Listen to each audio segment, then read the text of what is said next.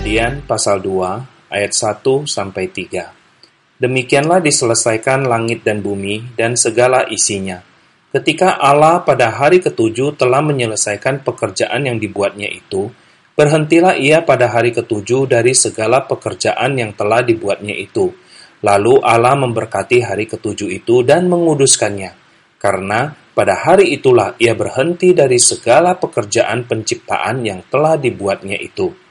Sahabat, apakah benar Tuhan perlu istirahat setelah dia berkarya selama enam hari?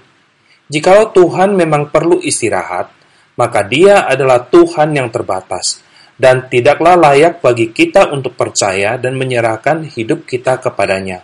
Sahabat, Tuhan yang kita percaya adalah Tuhan yang tidak pernah lelah dan tidak pernah berhenti berkarya.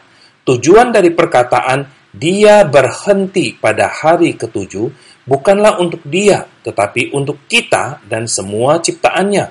Dia memberikan contoh bagi kita untuk beristirahat setelah bekerja selama enam hari. Hari ketujuh adalah upah bagi kita setelah bekerja memuliakan namanya selama enam hari.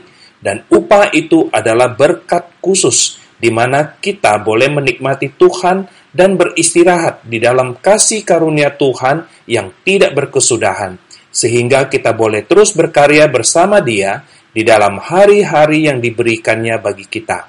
Pertanyaannya, masihkah Anda menikmati upah yang Tuhan berikan di hari ketujuh?